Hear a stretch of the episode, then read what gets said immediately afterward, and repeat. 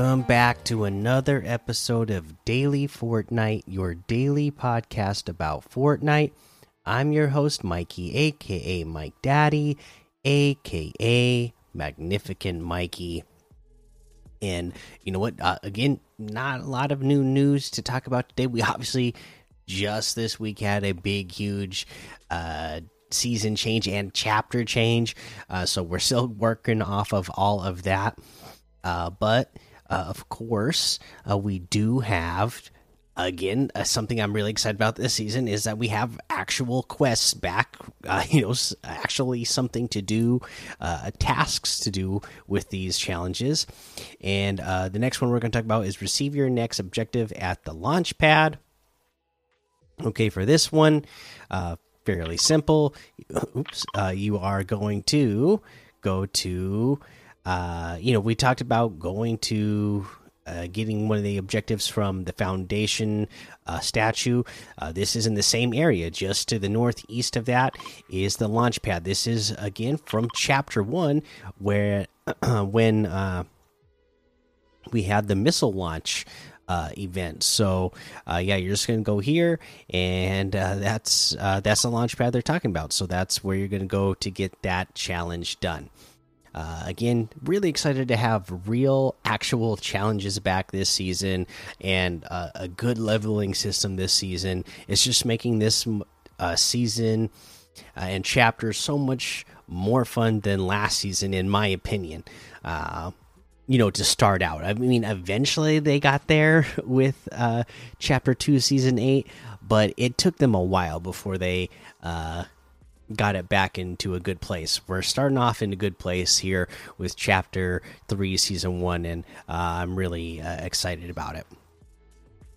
Okay, uh, so there is a challenge tip. Let's go ahead and take a look at what we have going on in the LTMs today. Uh, looks like we have.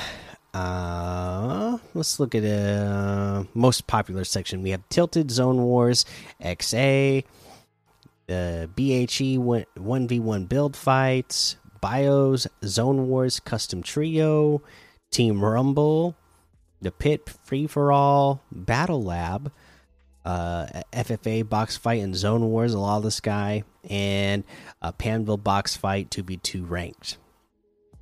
And of course, there's a whole lot more to be discovered in that Discover tab.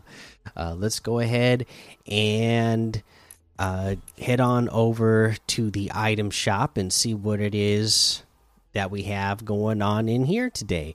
You know what? Of course, it is the beginning of the season, uh, and uh, they have that battle pass, uh, twenty five levels uh, that you can uh, bump up if you want to. That they uh, keep uh reminding you that is there.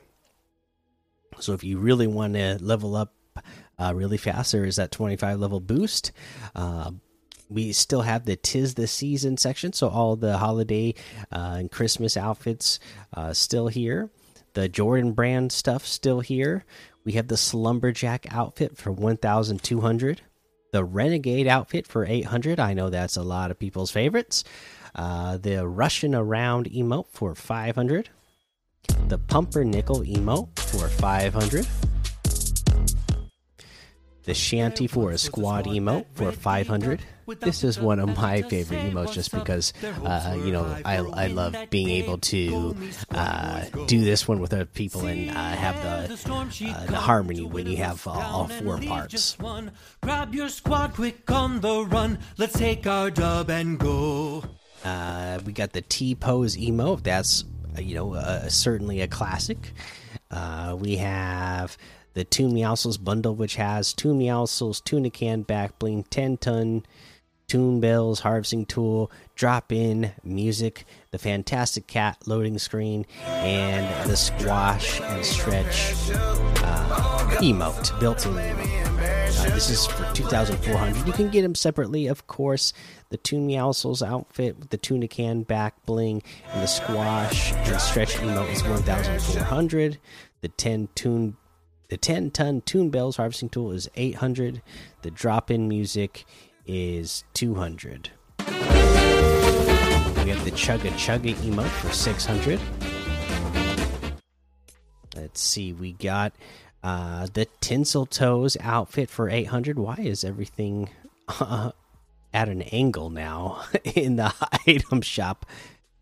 That's very interesting. Okay. Uh, the Candy Cane wrap for 300. The Red Nosed Raider outfit for 1,200. I'm going to back out and see if this. No, everything is still sideways. okay, let's try this one more time to see. No, everything's still sideways. Okay, the red nosed ranger outfit is 800. The Dolph outfit with the uh, bow breaker, bow breaker back bling for 1,200. The red knight outfit with the red shield back bling for 2,000. The crimson axe harvesting tool for 800 and that looks like everything today. You can get any and all of these items using code Mikey M M M I K I E in the item shop, and some of the proceeds will go to help support the show. All right, so for today's tip of the day, we're going to get it right from our community tips and tricks section uh, in the Discord.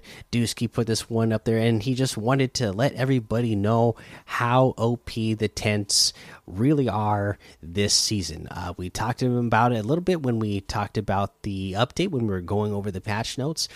Uh, you know, and he was saying uh, that you can, we know uh, just from the details that you can store your items in the tent, right? And it's going to carry you over. It's going to carry it over to the next match for you. So you can get some really good items, and before the match ends, uh, you know, say you have, uh, so say you have a really good loadout, and you you just know that you're about to beat the, your opponent. So you can throw one or two of those weapons into your tent and uh, have them already to go for the next match when you uh, find and uh, throw down a tent when the next match starts, which is you know pretty easy to do because in my experience so far playing the little bit I have I'm having no problem finding tents. They're all over the place.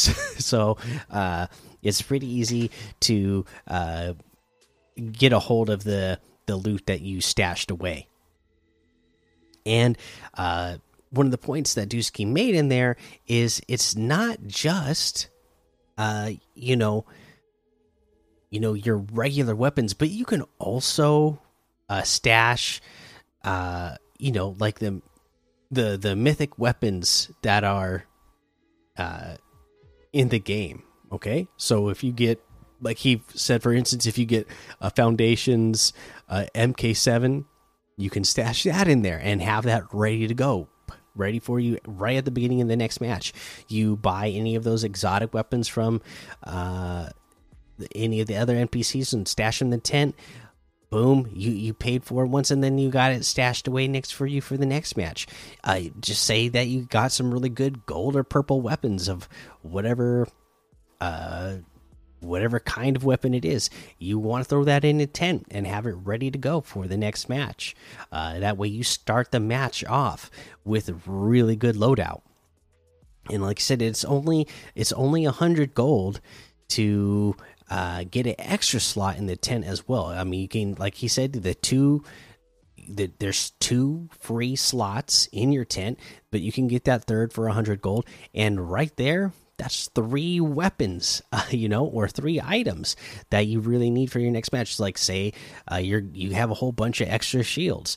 Boom, you're gonna throw that in your tent, and you have a bunch of shields to start off your next match. You have, uh, you know, again, like I said, if you got some purple or gold weapons, you throw that in the tent, and you got purple and gold weapons to start right from the beginning of your next match, which is going to give you a big advantage throughout that match uh, on uh, coming up with the win. So, really take advantage of the tents while we have them because they are really going to help you get a ton of wins this season, I think.